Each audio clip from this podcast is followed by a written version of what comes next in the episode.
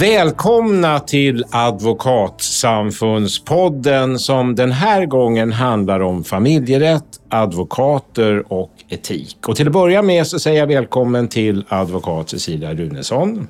Tack. Vi har med oss via teknik och Zoom advokat Börje Samuelsson. Välkommen Börje. Tack så mycket. Och du är dessutom ordförande i disciplinnämnden ska jag säga.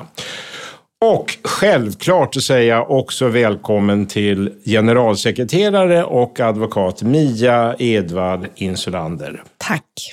Jag heter Willy Silberstein och ska alltså leda detta samtal.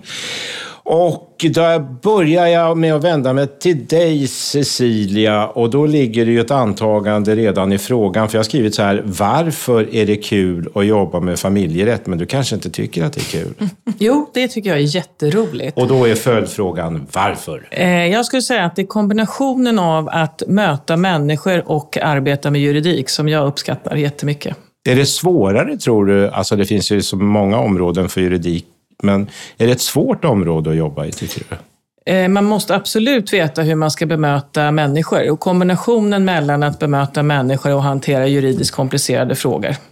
Och du menar att det kanske är lite viktigare än i en del andra områden av juridiken, just hur man hanterar människor? Ja, därför att man möter ju människor. Det här, som pratar vi familjerätt så är det ju den enskilda människan som det här berör. Det är liksom inte deras företag eller någonting annat. Och tar man då till exempel om det är vårdnadsfrågor så är det det viktigaste de har, nämligen det rör deras barn. Men de är ju själva personligt involverade. Det är ju det som är en stor skillnad mot om man arbetar med affärsjuridik till exempel. Börje, vad säger du? Är det kul att jobba med familjerätt? Ja, det är kul att jobba med familjerätt, i alla fall den delen av familjerätten som jag eh, ägnar mig åt, nämligen i stort sett enbart arvsrelaterade eh, uppdrag och, och, och, juridik. Ja, för min del så ägnade jag mig för många, många, många år sedan även åt den centrala familjerätten, alltså typ vårdnad, boende, umgänge, alltså sånt som har med barn att göra.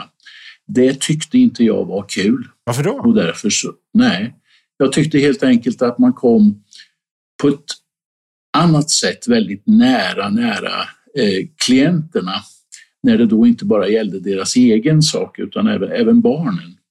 Och det krävdes, tyckte jag, eh, saker av en som man kanske ibland inte ville ställa upp på. Och då, då fick man klagomål om att motpartsombudet eh, ställer minsann upp på det. Det gällde sådana saker som att, om inte smutskasta så i alla fall eh, föra fram uppfattningar och motparter och så. Jag tyckte helt enkelt inte att jag var en bra advokat i, i de eh, uppdragen. Det där hoppas jag vi kan återkomma till. Eh, tack eh, Börje. Mia, Ja. Är det kul? Ja. Handen på hjärtat? Handen på hjärtat, eh, jätteroligt. Nu har inte jag jobbat som advokat sedan jag tillträdde som generalsekreterare i och för sig, men jag kan ibland sakna klienterna faktiskt ganska mycket. Och då tänker jag precis det som Börje pratade om nu, att det kan vara jobbigt det där med att man liksom ska smutskasta eller ta upp jobbiga saker. Precis det tycker jag nog, som jag tycker är roligt, det vill säga att ha dialogen med klienten om hur ska vi lägga upp det här ärendet på bästa sätt för dig och för barnen.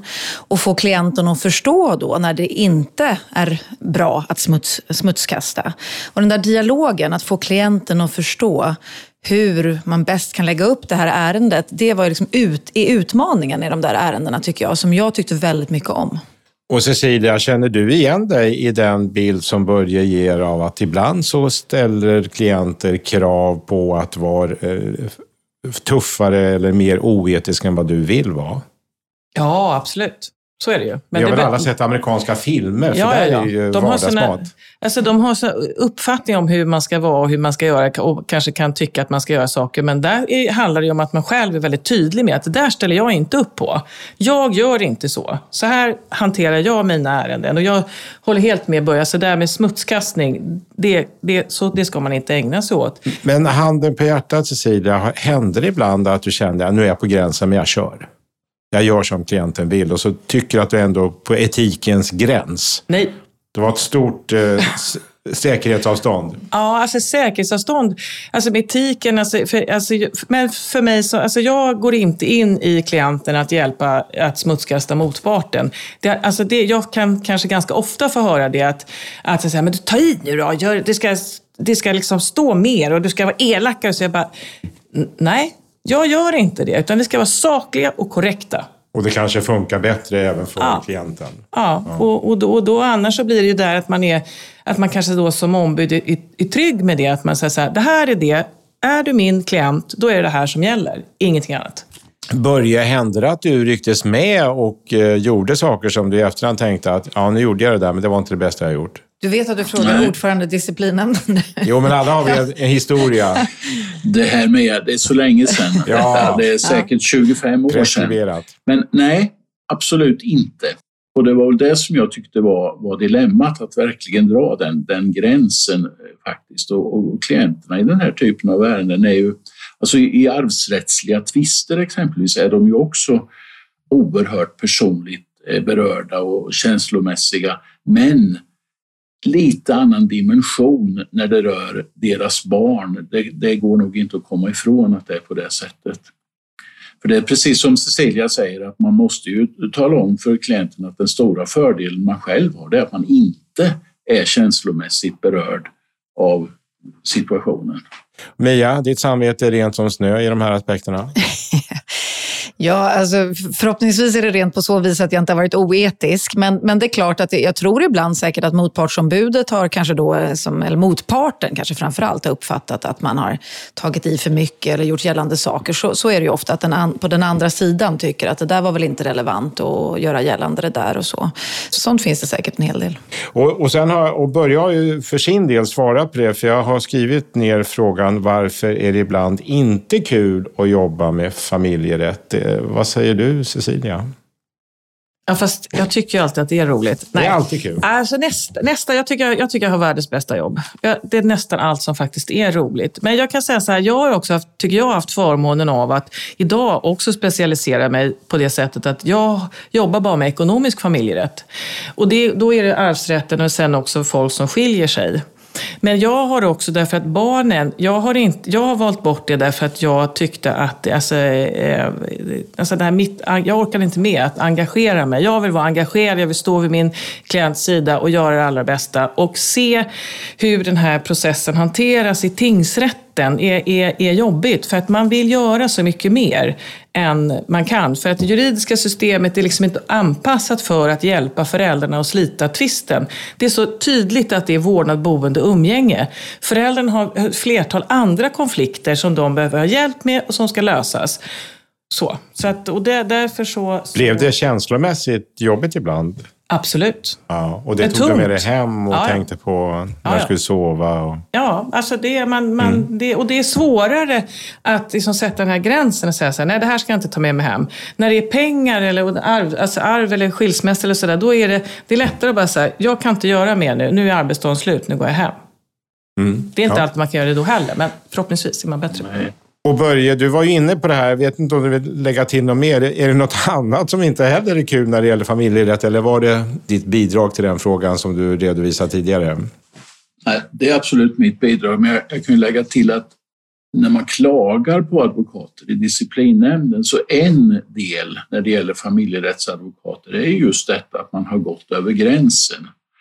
Och det är då vi, vi kan erinra advokater, ge dem påföljd för att de har det har inte varit påkallat för att tillvarata klientens rätt att man exempelvis har påstått saker om motparten som psykisk sjukdom och allt möjligt sånt. Och det är ju den genren där advokaten helt enkelt har, har krupit bakom klienten och, och gått helt enkelt över gränsen, säkert i tron att advokaten har gjort det för klientens bästa. Men det finns ju en gräns där och, och det är absolut en, en egen liten genre när familjerättsadvokater hamnar i, i disciplinnämnden. Så är det. Mia, jag tänkte du ska hjälpa oss. Det är ju inte bara jurister och advokater som lyssnar på oss beskriv, vad är familjerätt så vi förstår vad vi pratar om? Ja, all rätt som handlar om familjen kan man väl säga, men som lite grundläggande så är det ju eh, att man gifter sig eller blir sambor. Eh, det handlar om barn som vi pratar om, vårdnad, boende, umgänge. Eh, och sen är det arvsrätten, alltså när, någon dör. Det som händer i livet helt enkelt och juridiken kring det. Och bara ungefär Mia, hur många ungefär jobbar med familjerätt jämfört med andra områden för advokater? Ja, jag tittade, kollade upp det nu, lite statistik, men det är ungefär 10 procent av de advokater som finns som är specialiserade på, har angett att de är specialiserade på familjerätt. Mm. Om man jämför med 16 procent som har anfört att de jobbar med brottmål till exempel. Och jag vet inte om du vet det, men bland unga, är det här ett hett område tror du? Eller är det annat som verkar sexigare? det, nej, men det, jag, jag, vet att det finns väldigt många yngre jurister som vill jobba med familjerätt. Men där kan det ju för sig vara ett problem att vill man jobba med familjerätt på en advokatbyrå så är det inte alltid lätt att veta vart man ska ta vägen och hur man ska få jobb där. Eftersom familjerättsliga advokatbyråer är ofta ganska små så det är inte alltid lätt att få jobb på dem. Men det finns många yngre som vill jobba med familjerätt, absolut. Men jag får bara sticka in en sak där. Och det är det till exempel, jag hade min kollega nu, hon skulle rekrytera en biträdande jurist och hade, hade två personer som sökte tjänsten. Alltså, och det brukar vara långt fler? Ja, men det brukar vara fler. Och jag har pratat med andra kollegor som, som, som säger det också, som ser att, att, att det är svårt att rekrytera mm. till, till eh, byråer som vill hålla på med familjerätt. Och det tror jag inte vi hade. Det kanske var bättre förut. Nej, vad, kanske. Vad kan det bero på? Börje, vad tror, vad tror du att det beror på om det nu stämmer generellt? Ja, alltså det borde inte vara så, därför att min, min erfarenhet är som då sysslar precis som Cecilia med eh, ekonomisk familjerätt uteslutande.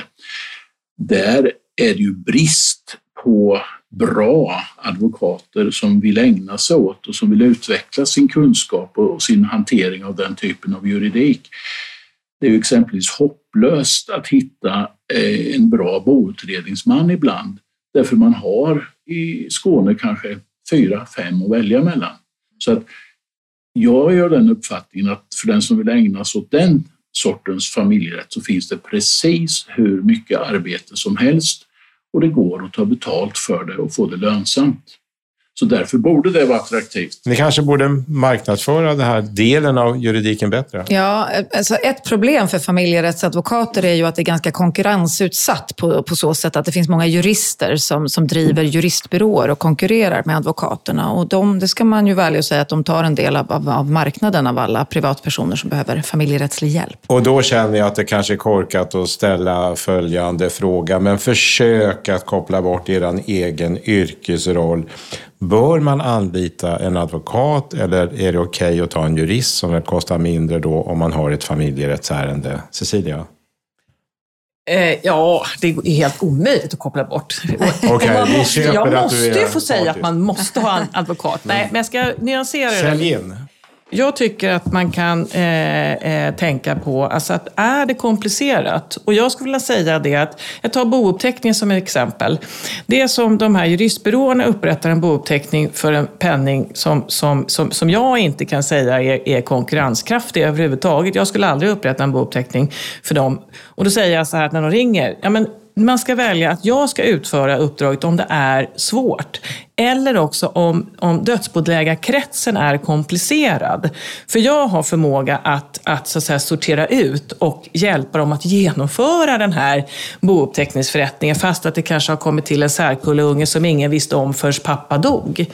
Alltså, så att det är lite, lite sådana, då säger jag så här, absolut. Eller om det är eh, i, alltså man tänker sig att bouppteckningen, utgångspunkten är liksom att vi ska sätta ramen för någonting som kan bli en framtida tvist. Att det är väldigt, väldigt viktigt redan initialt hur bouppteckningen ser ut. Men ska vi liksom krasst prata om bouppteckningen så är det en ögonblicksbild, tillgångar och skulder per dödsdagen. Det är inte, det är inte så komplicerat och, och, och, och då kanske man inte behöver en, en, eh, en advokat som är specialiserad i familjerätt. Och som, för det är liksom en sammanställning av papper. så.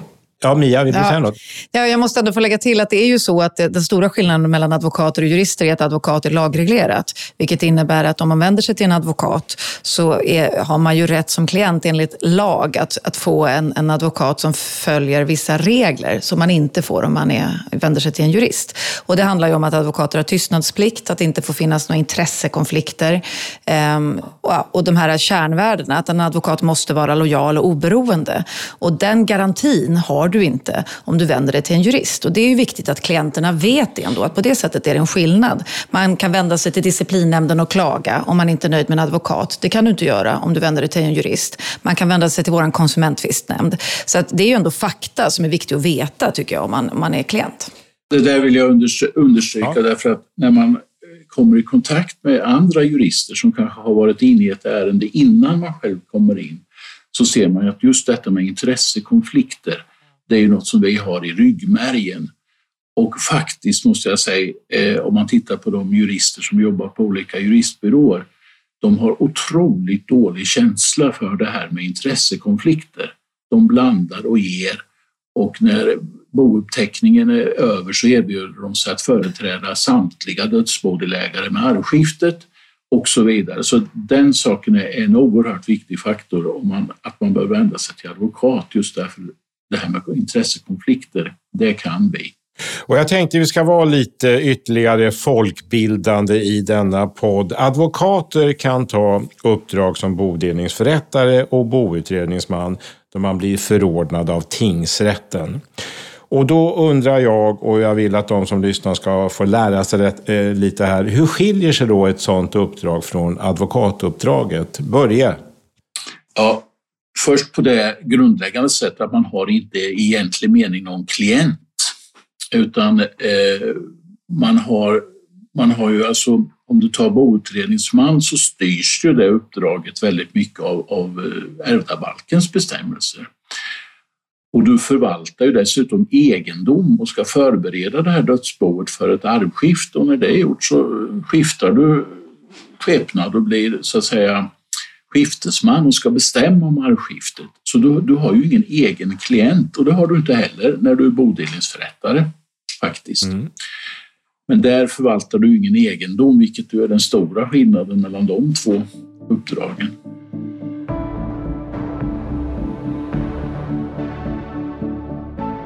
Eh, jag tänkte också, då får jag nog stanna kvar hos Börje, för nästa fråga handlar om disciplinnämnden som ju du eh, är ordförande i, Börje. Och eh, agerande från bodelningsförrättare och boutredningsmän hamnar ju rätt ofta i disciplinnämnden. Varför är det så? Jag har ju sagt och skrivit i många sammanhang att vill man undvika att komma i disciplinnämnden så ska man absolut inte ta uppdrag som bodelningsförrättare eller boutredningsman. Därför det, det är nog det var, de vanligaste nästan. Och varför Ja, är så- det så? Jo, alltså om du tittar på boutredningsman så är det inte så konstigt. Därför att då har du kanske en krets av dödsbodelägare på 8-10 stycken. Och har de avancerade konflikter sig emellan, då skjuter man väldigt gärna på pianisten. Mm. Det blir ju otroligt svårt att, att hantera den mängd, den mängd frågor som en boutredningsman måste ta ställning till så att alla är nöjda och belåtna. Det ligger i sakens natur att det helt enkelt inte fungerar. Eh, så det är inte så konstigt att det är på det sättet. Men sen beror det ju ofta också på att eh, man kan säga så här. Den, en del det är att allting tar alldeles för lång tid. Man för inte så att säga ärendet framåt, vilket ju faktiskt är boutredningsmannens uppgift. Där dödsboet ska ju avvecklas och inte bli evigt. Mm. Och det har vi många klagomål på. Hur är det, är- det må- många som får kritik i disciplinnämnden? Är det många som enligt disciplinnämnden faktiskt gör fel? Absolut. Vad är det vanligaste felet? Ja, det vanligaste felet är nog just detta att man, det vi kallar lite, lite slarvigt i nämnden för att man såsar en såsning. Alltså det, det händer ingenting. Kanske går flera månader, ingen åtgärd vidtas och, och advokaten säger att han har inväntat besked från någon dödsbodelägare som inte riktigt är pigg på att lämna besked. Men alltså, boutredningsmannen måste ju sätta ner foten och se att det är hans uppgift att och faktiskt avveckla mm. det här dödsboet. Men det är det vanligaste. Men sen är det också så att kunskapen om lagreglerna är på sina håll dålig. Vi hade ju ett förfärligt exempel där en boutredningsman eh, förklarade att han kunde inte sätta igång med några åtgärder eftersom han var ju tvungen att invänta att förordnandet från tingsrätten skulle vinna laga kraft. Och då vet man att lagen säger att det vinner laga kraft alldeles med en gång. Så att jag har ju tyckt att innan man får uppdrag som boutredningsman så borde man ju åtminstone läsa de kapitel i ärvdabalken som faktiskt innehåller rätt mycket matnyttigt ja. för vad man har att iaktta som boutredningsman. Vill Cecilia eller Mia kommentera detta? Jag kan hålla med där. Och att jag, det är framförallt det, alltså, att det här med att det hamnar i disciplinen. Jag tror absolut det är det att eh, som boutredningsman eller bodelsförrättare så har du inga klienter.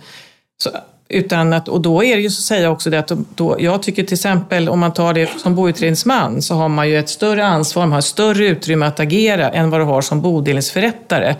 Eh, och där har vi, är, är det liksom de regler som omgärdar bodelningsförrättaruppdraget. Finns det jättemånga brister som gör liksom att, att eftersom man har två parter som man ska hjälpa och sen så när man måste vara objektiv och liksom inte, jag kan inte säga så här, liksom, så här ska vi göra, det här blir bra. Utan jag måste invänta dem och om de då inte har några ombud så, så kan det bli svårt att eh, föra framåt och också hjälpa. De kan, och de, den ena kan tycka, nej men hon håller med den och nej men hon håller med den andra. Så det, det, är, det är svårt. Alltså, man kan säga att ett, ett problem är ju att många som då får klagomål på att det tar för lång tid och att ärendet inte förs framåt. De säger ju då att jo, men de eh, vill gärna att dödsbodelägarna eller parterna i Boden ska komma överens. De hoppas på det. Det har kommit signaler om att man är på väg att enas. Men så blir det inte så. Och jag kan ju tycka ibland då att man kan inte som bodelningsförrättare eller boutredningsman hur länge som helst leva på den här förhoppningen att de här personerna till sist ändå ska komma överens. Därför att det är din uppgift att fatta beslut, både om ett arvskifte och ett, en bodelning, om det inte är rimligt att de kommer att enas. Och så undrar jag, för jag förstår ju att eh, när det gäller arv så kan det vara dels att eh, det handlar om pengar som ibland lockar fram det sämsta i oss människor och sen kan det då vara relationer där syskon hatar varandra och så vidare. Är det här det vanliga att det finns djupgående konflikter vid till exempel arv eller är det mer undantag? Cecilia? Alltså jag skulle vilja säga det att det som vi möter är det ju konflikter. Det är ju sällan liksom någon vänder sig till en advokat och alla är överens. Det, det, kan, det kan förekomma såklart, men, men, men mycket ovanligt. Utan det är ju därför att de, de har en konflikt och de olika döds, dödsbodelägarkretsen har helt enkelt inte samma intresse. Mia? Nej, man kan lägga till där, i och för sig så har tvisterna, arvstvisterna har ju ökat i domstol mm. eh, rejält de senaste åren och vårdnadstvister, alltså tvister om, om barn, har ju fördubblats fördubblats eh, på de senaste tio åren. Eller åren mellan 2006 och 2016 fördubblades de. Så det betyder ju för sig också att, att folk bråkar mer och mer, tvistar mer och mer. Och det kanske är en knäpp fråga, men hur, hur laddat blir det? Vad händer? Kan inte du ge, alltså inga namn, det förstår ju alla, men ge en interiör för oss som inte har sett det. Hur kan det, hur kan det när det inte är så bra, se ut? Nej, men det kan, det, det kan bli oerhört infekterat. Och eh, jag har ju varit med om i dödsbon där jag har varit eh, på, på så att säga, man ska fördela lösöre, man är på plats. Eh, och Eh, det är så, så mycket bråk så att det, det, det är, alltså, alltså det, att det är svårt. Någon gång så drämde jag handen i bordet så att jag hade blåmärken i en vecka efteråt. Och det var, alltså jag fick inte någon ordning på det annars. Och i, i, I samma dödsbo så var det ju så att då gick två syskon iväg och sen så, var, då, då, och sen så hade tredje hade gått lite före. Och sen kom hon tillbaka och så, så här, låtsas skulle behöva använda toaletten för att kontrollera om inte de andra hade kommit tillbaka. Alltså det, och det var, alltså misstänksamheten i det dödsboet var ju hundraprocentigt. Och hur är det att jobba med sådana fall förutom att ha ont i handen i en vecka? Ja. eller så här, för det är naturligtvis ett misslyckande att man drämmer näven i bordet. Det, man, då, det, det tycker man. Alla det ska människor. Man ju, exakt, man ska hantera på ett annat sätt. Men jag kan bara konstatera att det, det, det, liksom var, det var så oerhört infekterat att det var liksom, jag fick dem helt enkelt inte tysta. Jag var liksom rädd att det nästan skulle, så hade jag inte gjort något drastiskt så kanske de hade gett sig på varandra. Men nu, när det som då, för alla blev ju jättechockade. Liksom, vad gör hon? Det kanske funkar lite. ja, men det gjorde ju det i det fallet. Och jag ska säga att det var så allvarligt så jag var rädd för att de skulle ge sig på varandra. men den. det gick att ändå till slut ja, hitta men jag, en lösning? Ja, ja, jag fördelade allt lösöret i det där hemmet. Ja. Ja, det blev dyrt, men det blev gjort. Ja. Börje, vad, har du slagit näven i bordet någon gång? Rent bokstavligt. Ja, det har jag. Berätta. Vad skönt att höra. Ja. Vad hade hänt då? Vad var det som föregick denna Ja. näve i bordet? Jag kommer faktiskt inte ihåg, men vad jag kommer ihåg är att jag fick eh, gå, gick till eh, det ombud som hade varit med och be om ursäkt därför att jag hade tappat humöret fullständigt. Jag tror det var så att jag höjde akten som var försvarlig och drämde den i konferensbordet och förklarade att sammanträdet var avslutat. Iväg. Det är klart att det, det kan ju hända att man blir, blir helt enkelt tappar humöret, vilket man absolut inte får göra. Men, men, men det är den enda gången som jag kommer ihåg att det var så dramatiskt. Och vad blev reaktionen när du dängde den där digra bunten i bordet? Att de gick. Och coolade ner och kom tillbaka och ni nådde fram, eller? Nej, nej, nej. Okej. Sammanträdet var slut, Ja. men jag, jag kontaktade det ett av partsombuden som även var här i Helsingborg och eh, bad om ursäkt Ja. naturligtvis Ja. för mitt beteende. Mia, här outar vi oss själva. Vad har Ja. du gjort som du minns och kan- tycker att det där var inte så smart? Nej, men jag har ju jobbat mycket som bodelningsförrättare, alltså när makar ska skilja sig och inte komma överens om bodelningen. Och eh, där kan det ju också bli extremt eh, infekterat. Så jag har verkligen höjt rösten också. Eller liksom bett en av dem gå, gå ut så. Säkert vid flera tillfällen, därför att det kan bli helt odrägligt. Jag har varit med om att en, en, en person kastade, kastade ett glas på den andra. Då fick vi ju ganska naturligt avbryta. Så att det kan gå hett till för de här Ja, mötena. men jag måste bara, för att det var ett, en gång var det, jag var också bodelningsförrättare, så var det ett partsombud som svor åt mig. Och då var jag bara så här, Ombudet. ombudet svor åt Vad mig. hände då? Då sa jag bara så här, nu är sammanträdet slut. Och här, för jag tänkte att det, här, det, är jag, det, är som, det är jag som bestämmer i det här sammanträdesrummet.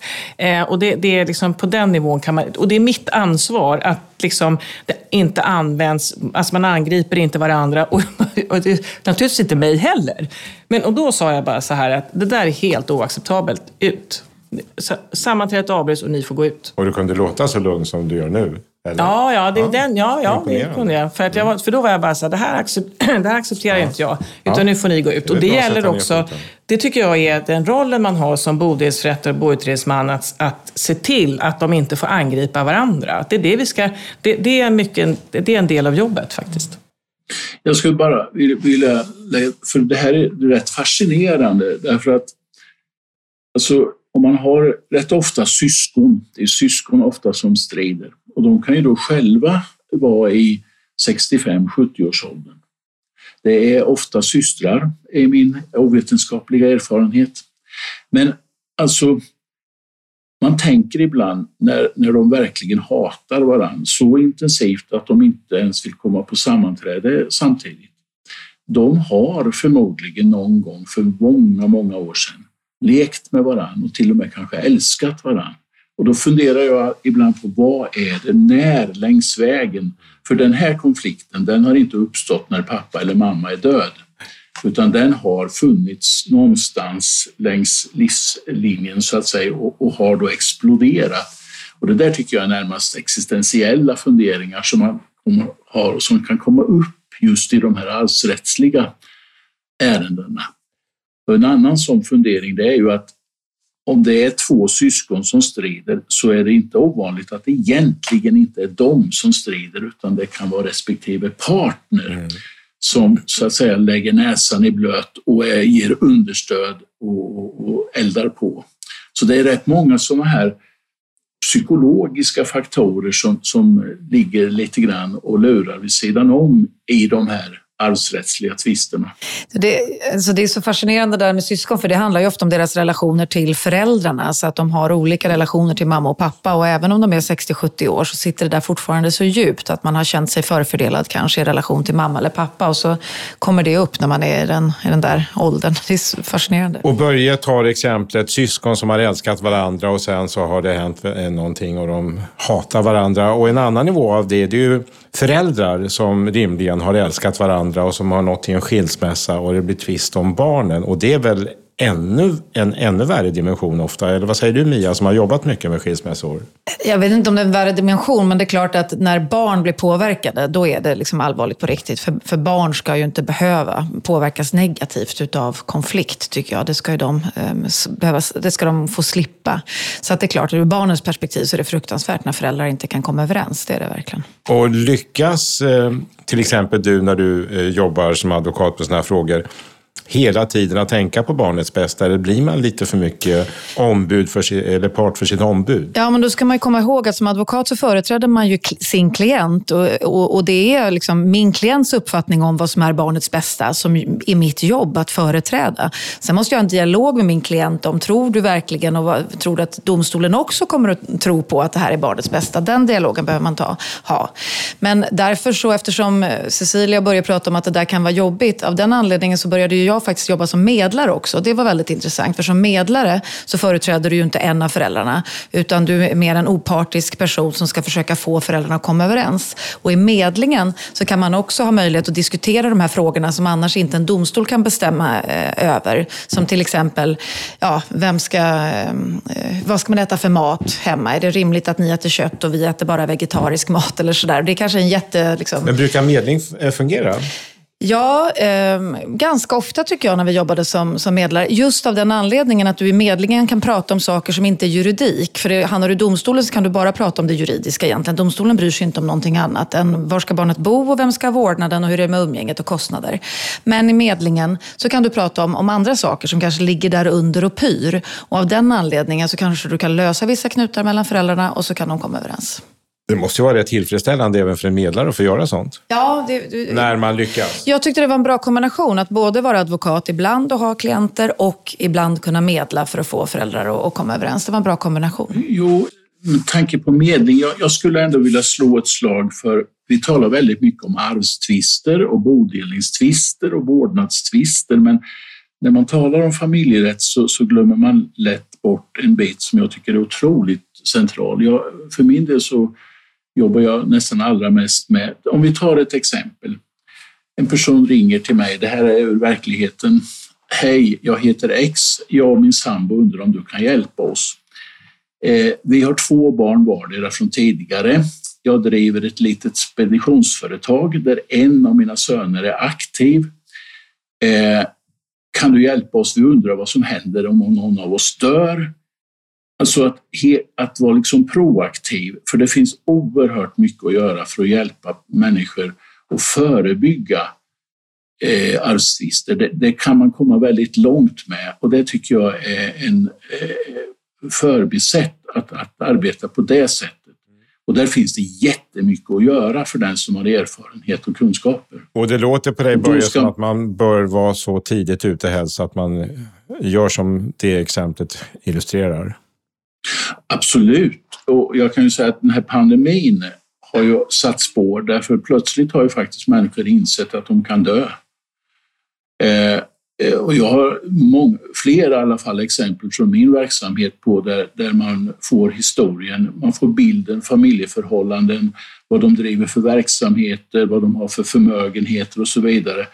Och det man kan konstatera omedelbart är att om någon av er dör nu, då är det katastrof. Men jag, jag måste säga att jag håller med dig, för jag säger att när jag klienter kommer och vill ha hjälp med att upprätta testamente så brukar jag säga det att en sak är att fördela fördela förmögenheten. Men en annan sak är att tänka, hur undviker man tvist? Mm. Finns det något här som man kan göra för att det inte blir en tvist vid bortgången? Alltså man ska tänka, det är nog väldigt många som är inriktade på att testamentet ska fördela värden och pengar.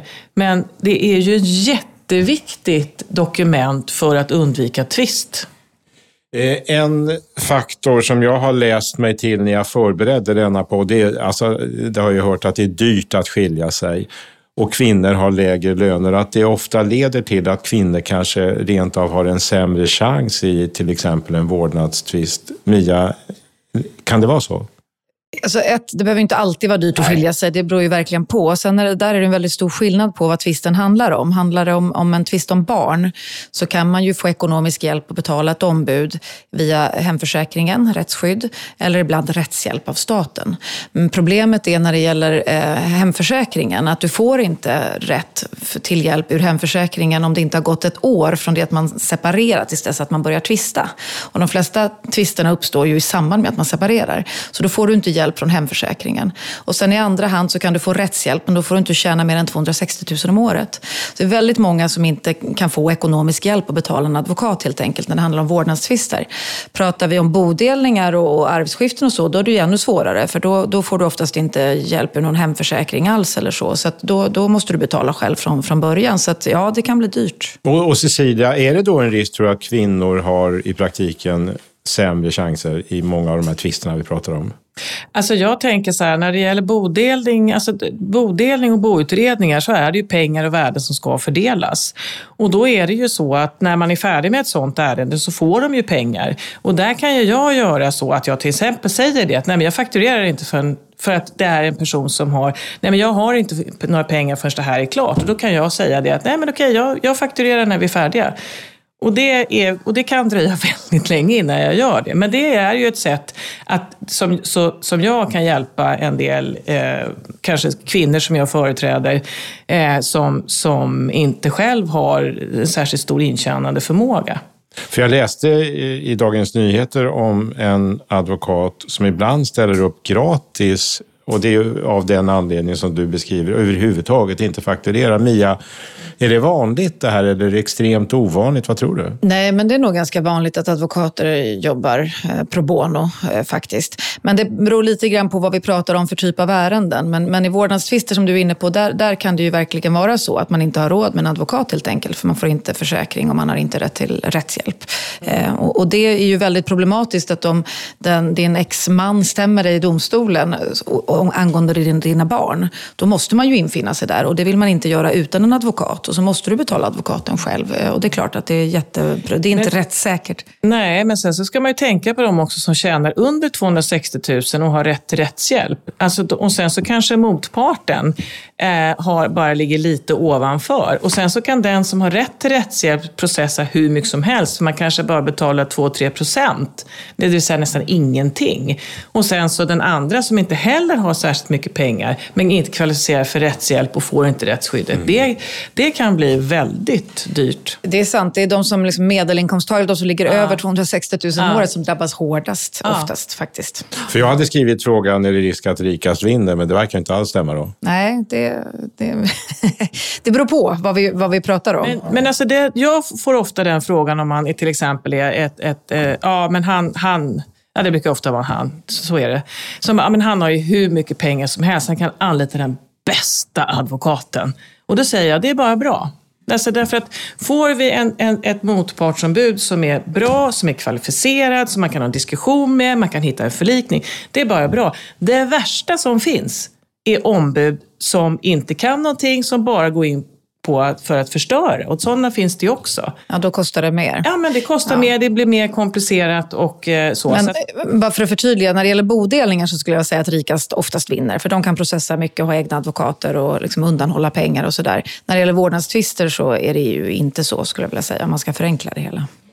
Vi ska snart sätta punkt, men jag tänkte ni kanske fortfarande känner någonting, men jag vill säga just det här. Är det någonting på hjärtat? Det kan man inte fråga en advokat. ja.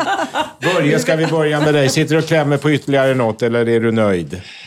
Nej, jag är nöjd. Jag, jag, jag, tyckte att, jag tyckte det var viktigt det här att det är ett stort arbetsområde för de som ägnar sig åt det jag ägnar mig åt, att så att säga hjälpa människor att ordna sin hädanfärd ekonomiskt innan de anträder hädanfärden. Det tror jag är ett arbetsfält som har tiden för sig, absolut. Man ska provdö brukar jag säga. Det är ganska bra att provdö. Det? Ja, att man ska, vad händer? Ja, vad händer juridiskt om jag dör? Den, den, det testet kan vara bra att ställa sig själv den frågan och då kanske inse att jag behöver nog prata med någon kunnig advokat om det här för att lösa det. Så slipper mina eh, släktingar sen när jag gått bort bråka i onödan. Jag kan säga mig att jag, jag, det är min inledande eh, redogörelse när jag börjar sådana ärenden och berätta vad händer om vi ingenting gör och som det precis är nu och när du går ut från mitt kontor så dör du. Vad händer då? Ja. Cecilia, har du någon avslutande tanke? Ja, men då måste jag ta det. Nu har vi pratat om dödsfall, men jag tycker att det där gäller för även för sådana som är sambor och är, är, ska gå in i ett äktenskap.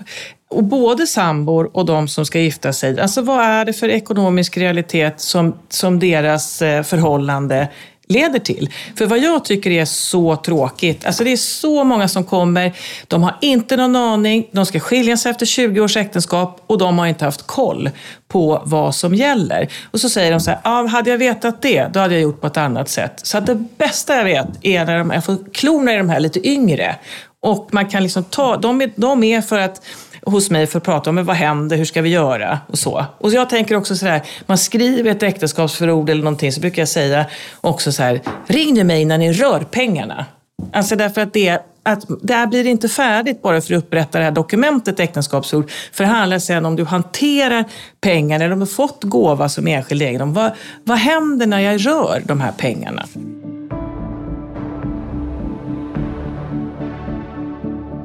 Idag skriver vi den 15 december. Med poddar är det ju risk att någon lyssnar på det här och snart går ut och dansar runt midsommarstången, för det här ligger ju kvar.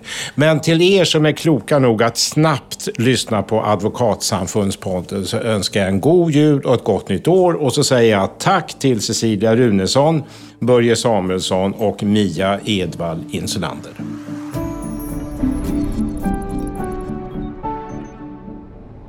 Ja, Mia, jag tackar just av dig, men jag kom på att vi måste ju prata lite mail till Mia och du har fått ett mail som du vill ta upp. Vad är det?